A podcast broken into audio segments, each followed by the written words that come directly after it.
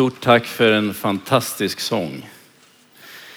För eh, snart två veckor sedan, en och en halv vecka sedan, så fattade vi i Philadelphia församlingen i Stockholm det största beslutet, åtminstone sett rent ekonomiskt, största beslutet som vi har fattat de senaste 80 åren. Jag skulle vilja säga 100 år, men jag har nog inte täckning för det. Men ändå, att få vara med i en sån process. Under två års tid har vi i församlingen pratat om hur ska vi klara av den här fantastiska kyrkobyggnaden och det där snart 400 år gamla slottet som ju är dockat ihop med kyrkan. Ingenting följer någon vanlig svensk byggnorm. Vi behöver göra någonting för att säkerställa framtiden. Alla fönster borde kittas om, avloppen börjar bli gamla. Elen lämnar en del övrigt att önska. Och, önska. och hur ska vi få glädje i att samla in pengar till avlopp? Eller fasadrenovering. Ni vet, man är några miljoner fattigare och det ser precis likadant ut som förr. För några år sedan bytte vi krönplåten på själva kyrkobyggnaden. Den är ju ganska hög och när man står precis vid entrén till Philadelphia och tittar uppåt, precis där taket liksom tar vid så ser man en liten svart kant. Vi hade inte råd att byta hela, men vi bytte det nödvändiga. En miljon kronor senare så ser ju den svarta kanten exakt likadan ut. Hur ska vi göra med det här?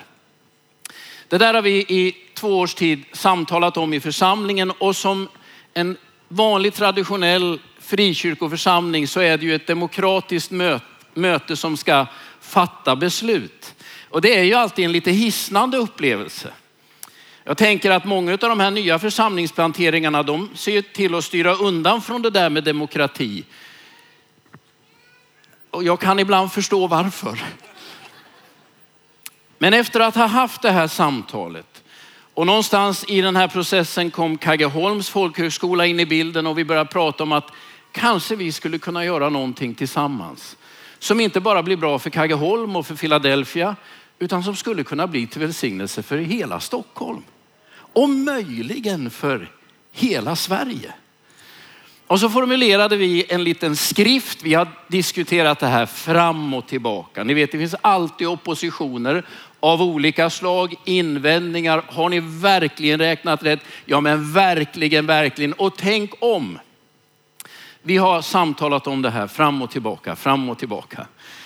Och så stod jag och inledde det där administrationsmötet som vårt beslutsmöte kallas tisdag den 12 juni och tänkte nu gäller det. Det var fullsatt.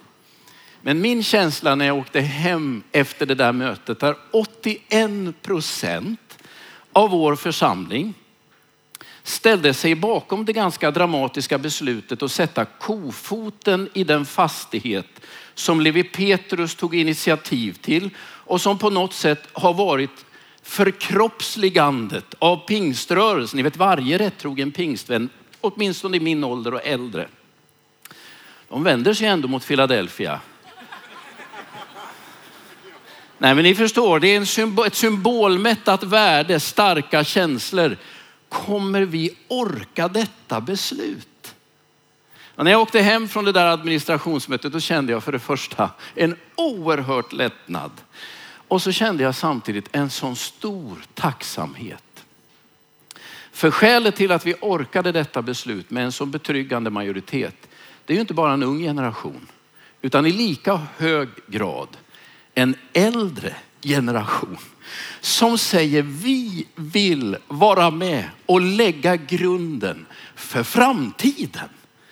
Vi är glada för historien, men kan vi vara med och skapa förutsättningar för en levande församling i hjärtat av Sveriges huvudstad. Även om det nu kostar 100 miljoner kronor plus moms så vill vi vara med och göra det. Och jag kommer ihåg när jag, ja jag kommer ihåg, det är inte så länge sedan så jag minns fortfarande friskt. När jag var nere på seniorträffen en tisdag, det var då jag insåg att det här nog kommer gå vägen. Talade till våra äldre medlemmar och insåg att 98 procent av alla i det här rummet, de är bara glada Och de tänker rösta för det här. Och efteråt kommer en äldre dam på lite vingliga ben fram till mig och så säger hon med darrande röst, det här kommer ge många testamenten. Då tänker jag, man vill vara med med det Gud har anförtrott den och bygga framtidens församling. Och jag känner mig så glad, tacksam och stolt över att få vara med och leda Philadelphia församlingen och vara en del av svensk pingströrelse. Vi har en fantastisk historia. Men jag tror, som vi ibland säger, att det bästa ligger framför. Jag tror att de största insamlingarna som vi har gjort i den här rörelsen för att samla in pengar och bygga församlingar i det här landet och sända missionärer eller göra evangeliet känt och trott över vår värld. Jag tror att de största insamlingarna hör inte till vår historia. De hör till vår framtid. Och de järvaste satsningarna vi har gjort för att lyckas förmedla evangelium, om det är via media eller andra typer av satsningar, de hör inte heller till vår historia. De ligger i vår framtid.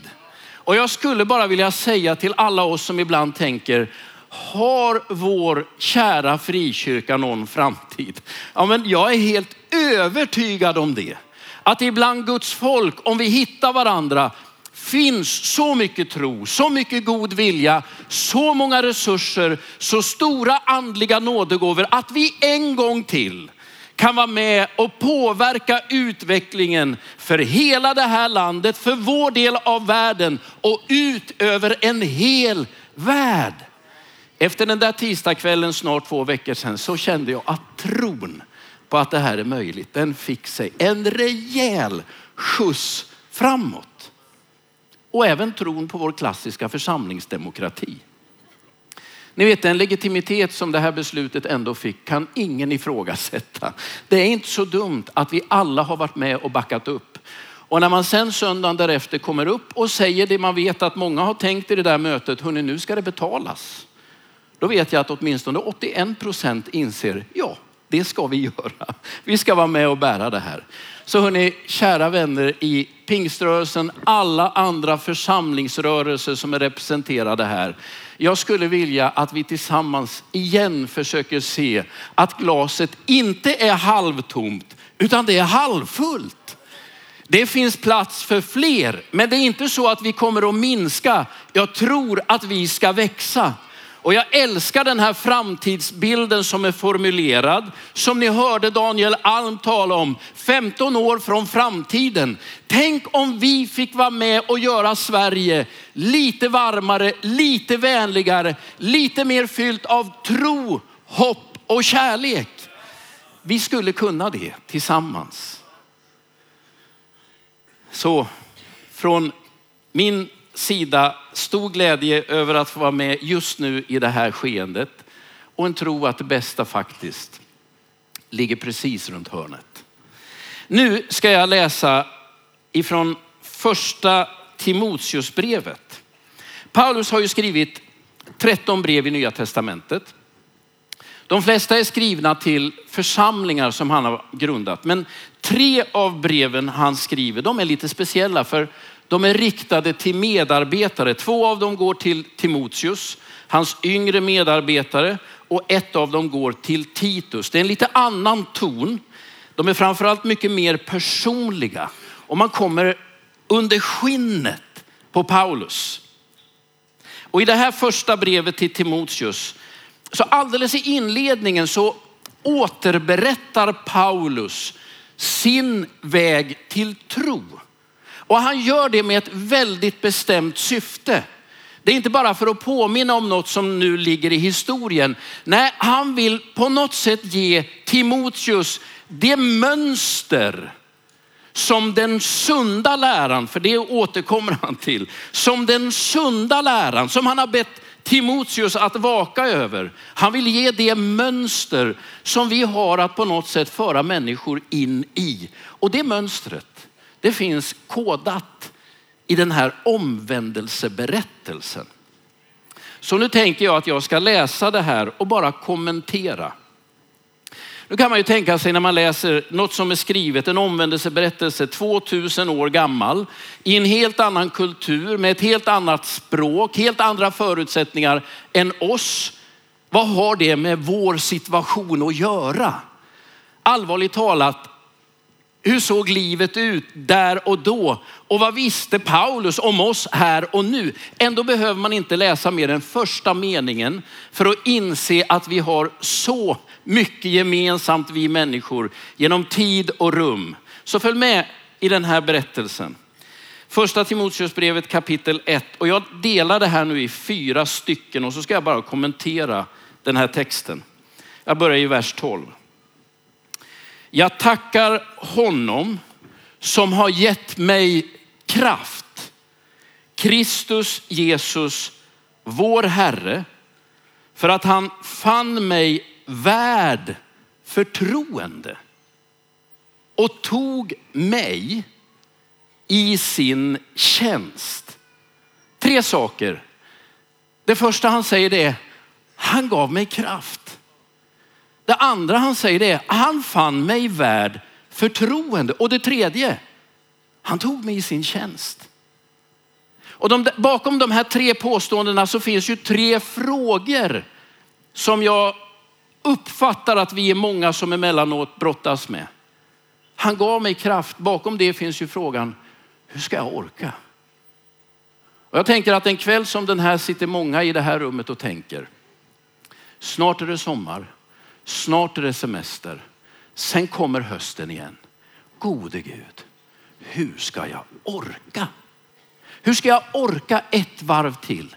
Kraften läcker ur dig. Och nu vill jag säga till dig, du som sitter här och tänker, du är i gott sällskap. För om du ser de flesta i, de här, i det här rummet så har vi alla varit precis där. Hur ska jag orka en gång till? Hur ska jag orka på min arbetsplats? Hur ska jag orka i församlingen? Hur ska man orka i sina relationer? Gode Gud hjälp mig. Och om du sitter där så hör nu vad Paulus säger. Jag tackar honom, Jesus Kristus, som gav mig kraft.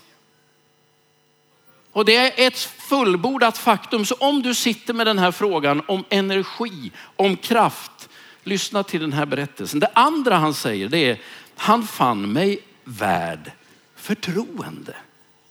Eller om man vänder på det, han, han trodde på mig, säger han. Och bakom det finns ju den här andra frågan, finns det någon som jag betyder något för? Spelar min, min tid på jorden någon roll? Är det någon jag är värd någonting för? Vi skulle väl tala om självkänsla. Det där allra djupaste som gör att man orkar. Och då säger Paulus, han såg på mig och fann förtroende för mig. Han trodde på mig. Och det kristen tro har sagt till människor genom alla tider det är att självkänsla växer inte ur att du gång på gång ser dig i spegeln och försöker peppa dig själv. Nej, självkänsla, det väcks av att du får se in i Jesu ansikte och höra honom tala tro in i ditt liv.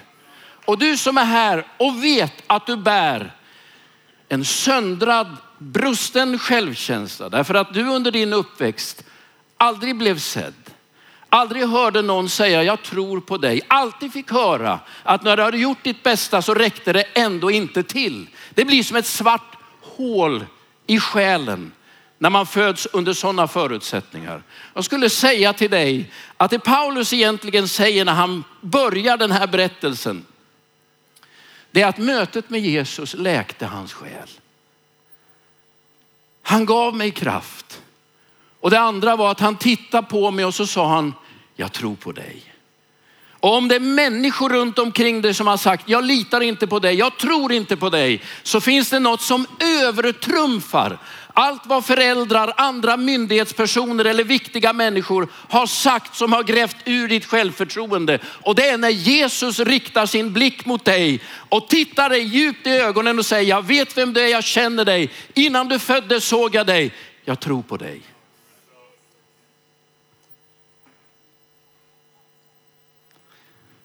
Och så säger han, han tog mig i sin tjänst.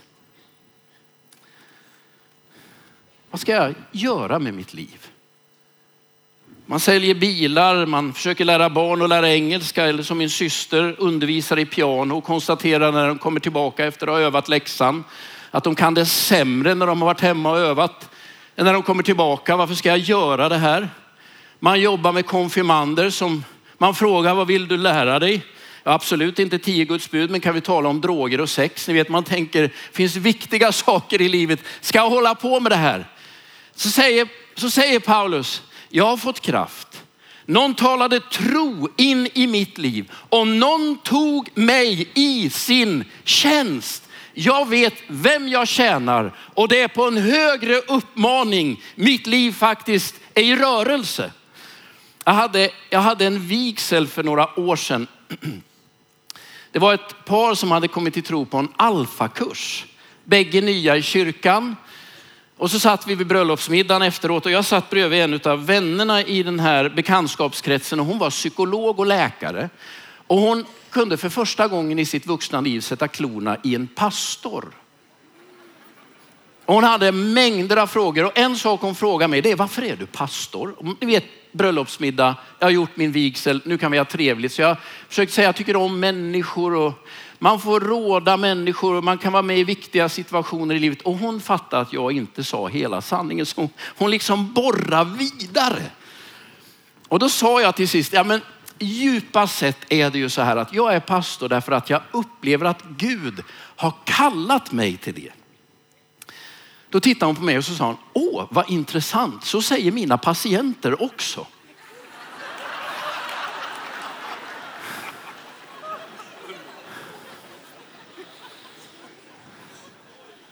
Man får ju fundera några gånger efteråt, är man sjuk eller frisk? Men jag skulle vilja säga följande.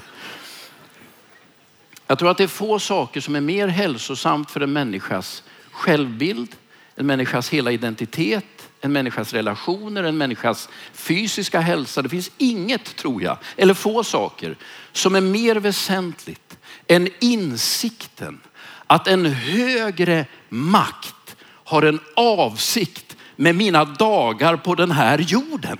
Och låt mig nu säga direkt att vara kallad behöver inte betyda att jag i detalj kan redogöra för allt som är avsikten med denna kallelse. Ni vet när jag ibland kallar någon att komma och undervisa i Philadelphia så tänker jag de har ingen aning om vad som har hänt innan. De har ingen aning om vad som kommer att hända efteråt. Och de vet nog inte riktigt varför jag har bett dem komma heller. Men jag har talat om vad jag vill att de ska säga, ungefär hur det ska utfalla. Och sen när de har gjort det kan de åka därifrån. Men jag som har kallat har en större bild än den som är kallad. Och jag tänker att jag ibland inte ser den större bilden. Att jag inte riktigt ser vart är det här på väg och varför hamnar jag här. Men jag vet att någon har talat in i mitt liv och sagt, det finns en avsikt med dina dagar här på jorden och den vilar i min hand. I det kan man vila, även om man inte ser hela bilden. Jag behöver inte uppfinna mig själv mellan födelse och död. Det är någon annan som har en avsikt med mig. De här tre sakerna som Paulus säger inledningsvis. Han gav mig kraft. Han sa, jag tror på dig. Och han tog mig i sin tjänst. Du som sitter här inne, eller jag är helt säker på att många av oss här inne, vi sitter just nu och brottas med någon av de här frågorna. Kraften tryter. Jag orkar inte ett varv till. Jag ger upp. Då vill jag säga till dig, du är på helt rätt plats. För här finns han som har större makt och kraft är några av de utmaningar, prövningar och svårigheter som det här livet utsätter oss för.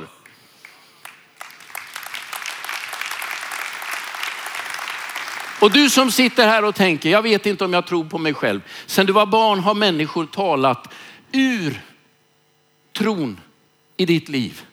Du här inne är jag helt övertygad om att Jesus själv, om du lät honom, skulle titta på dig och säga, jag har förtroende för dig.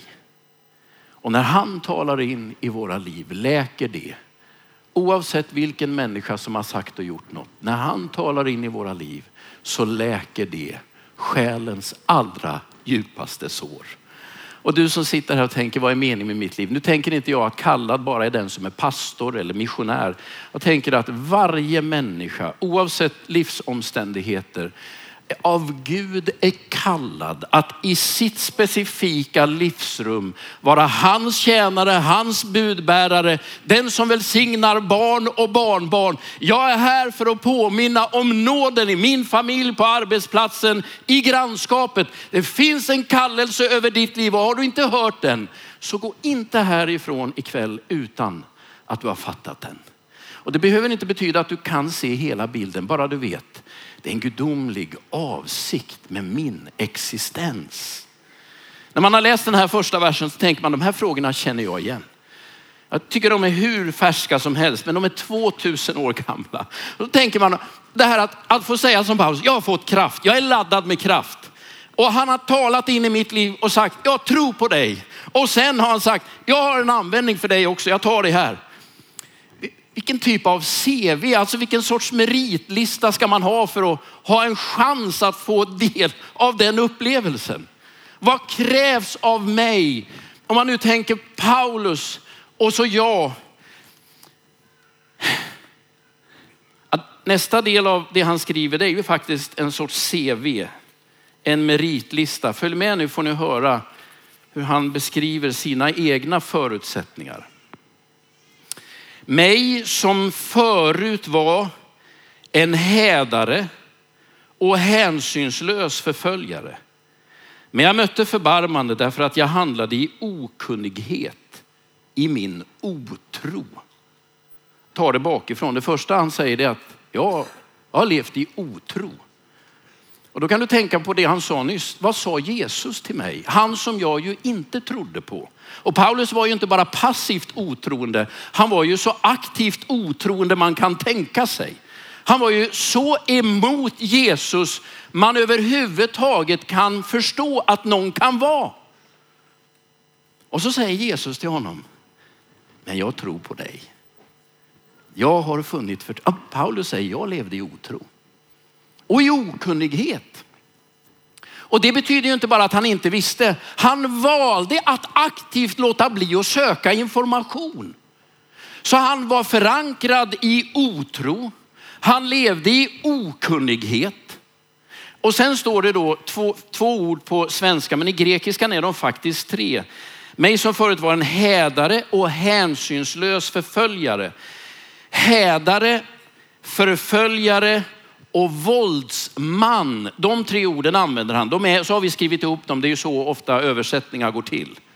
Att häda, om man nu tänker otro, så kan du toppa det med lite hädelse.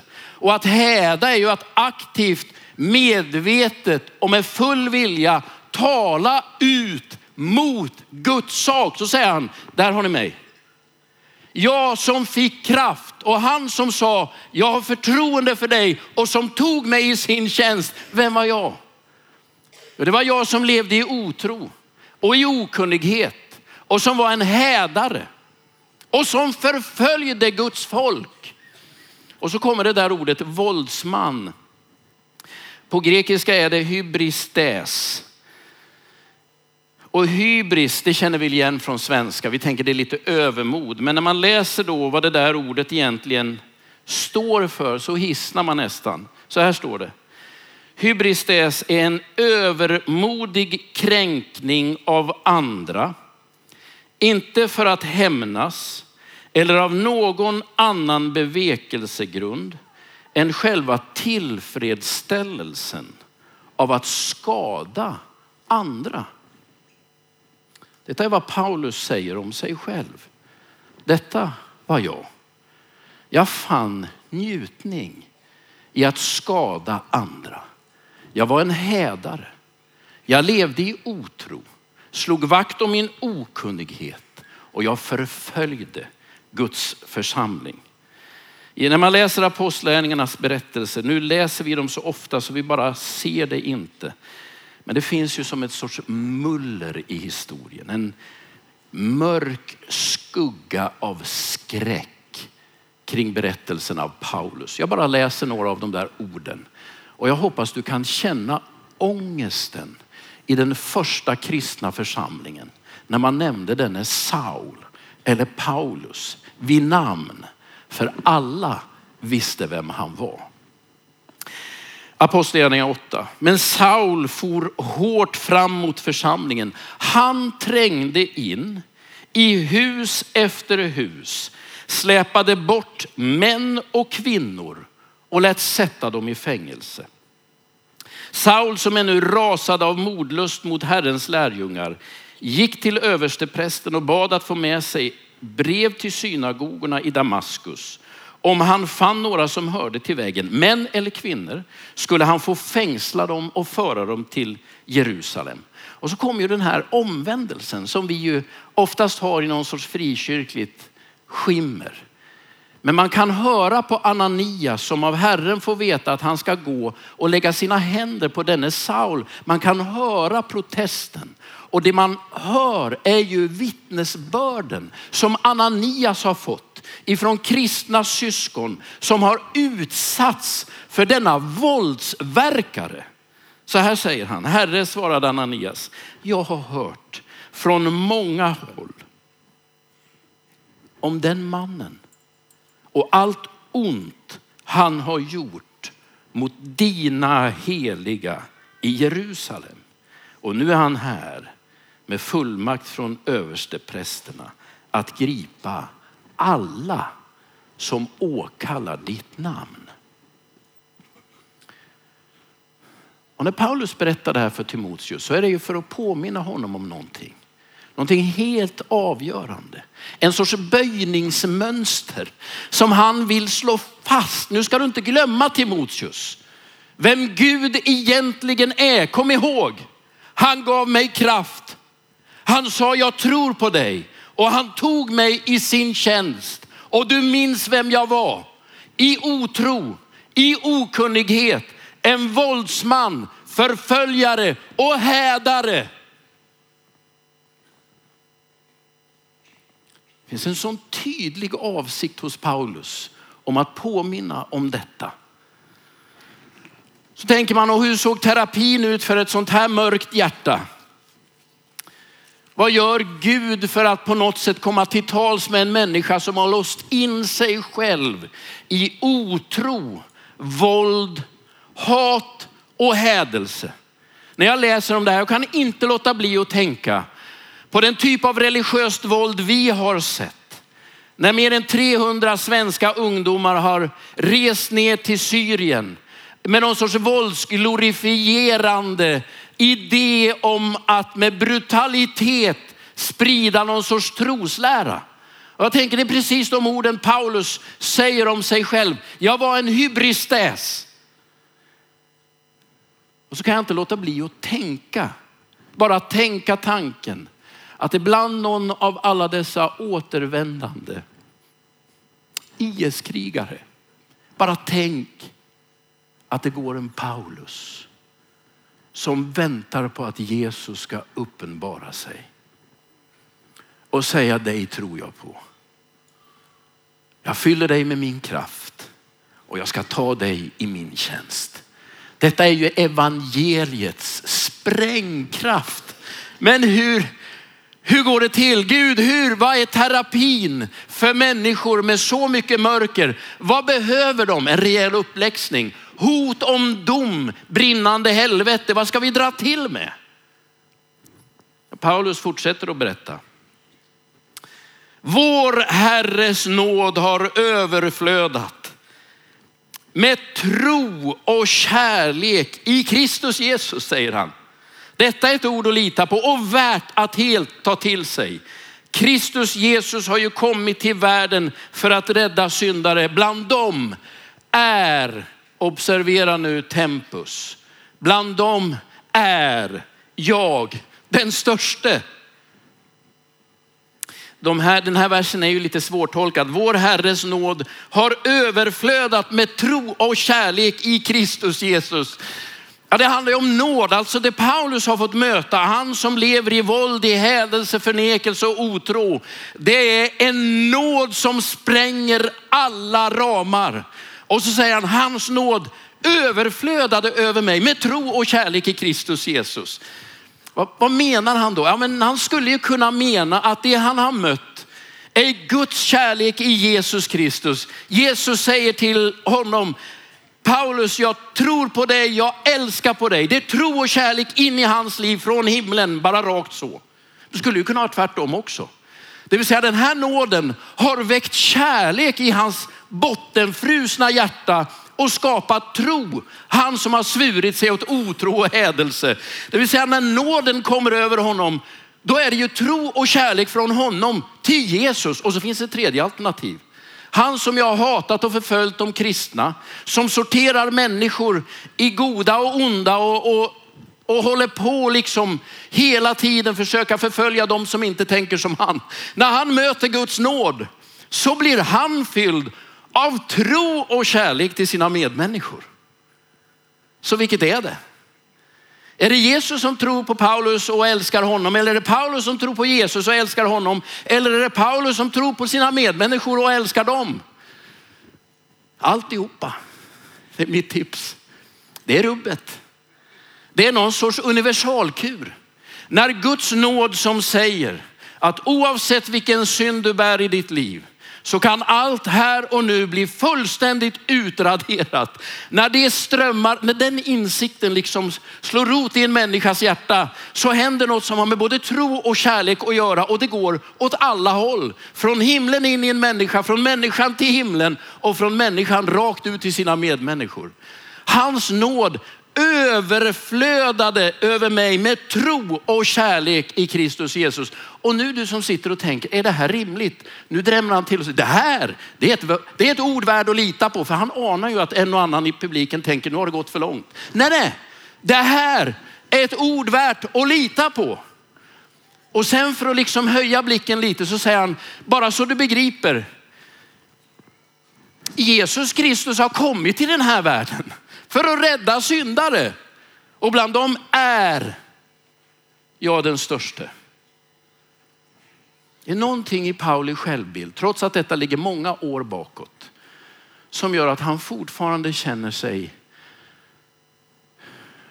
så skuldtyngd emellanåt. Och samtidigt så oerhört fri i denna nåd. Han lät nåden överflöda.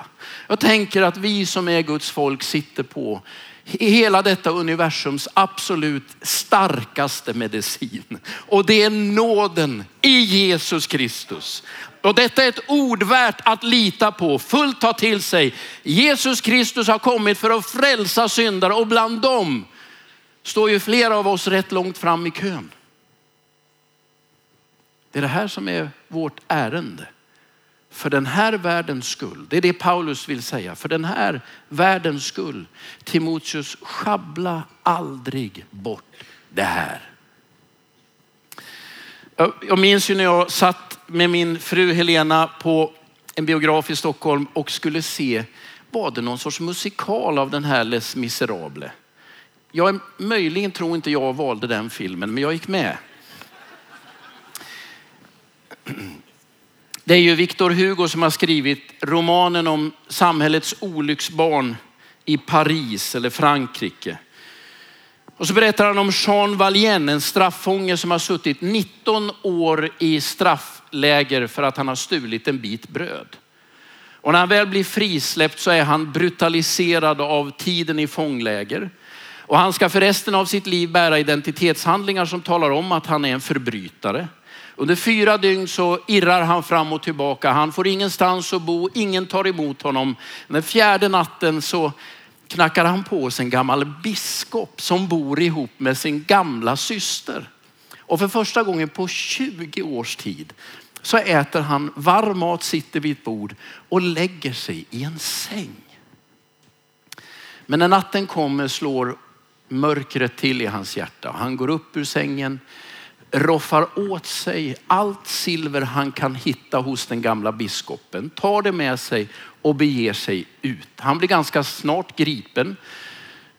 Och poliserna kommer tillbaka med Jean Valjean till den här biskopen och säger vi tror att han har stulit ditt silver. Och då inträffar mötet som för alltid förvandlar hans liv. Då säger den gamle biskopen, han som har blivit bestulen på allt av värde. Nej, säger han. Han har inte stulit, jag gav det till honom.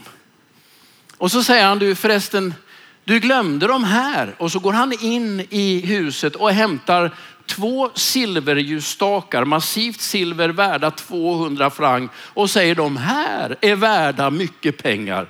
Gå i Guds frid. Det mötet förvandlar denna Jean Valjean. Och den där berättelsen är ju så fantastisk. Vad är det? Jo, det är nåden. När nåden möter ett djupfryst människohjärta. Den gränslösa förlåtelsen. På min bekostnad får du allt du behöver. På min bekostnad täcker jag hela din skuld. På min bekostnad är du fullständigt satt fri från ditt förflutna och en ny framtid är din. Jag tackar Gud, säger han. Vår Herres nåd har överflödat med tro och kärlek i Kristus. Detta är ett ord värd att lita på. Kristus har kommit för att frälsa syndare och jag är den störste. Så kommer själva tillämpningen.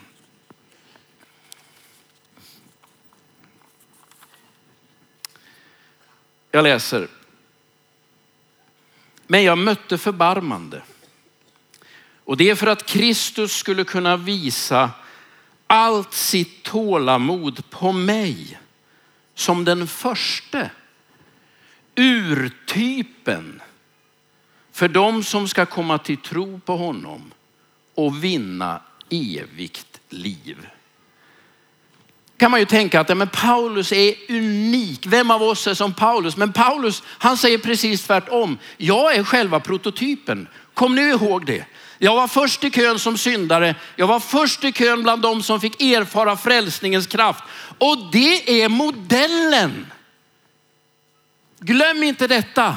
Detta är den sunda läran. Se till att du slår vakt om den och ge den vidare. För det finns så många som alltid vill växla ner evangeliets enorma generositet till någon sorts småskurna mynt. Detta är himmelens rikedom. Det finns en ordlek som vi inte riktigt ser i svenskan. Paulus säger ju att bland syndare är jag den störste och så säger han Bland de frälsta är jag den förste. Det är samma ord, protos. Han säger, jag är, jag är syndare, protos.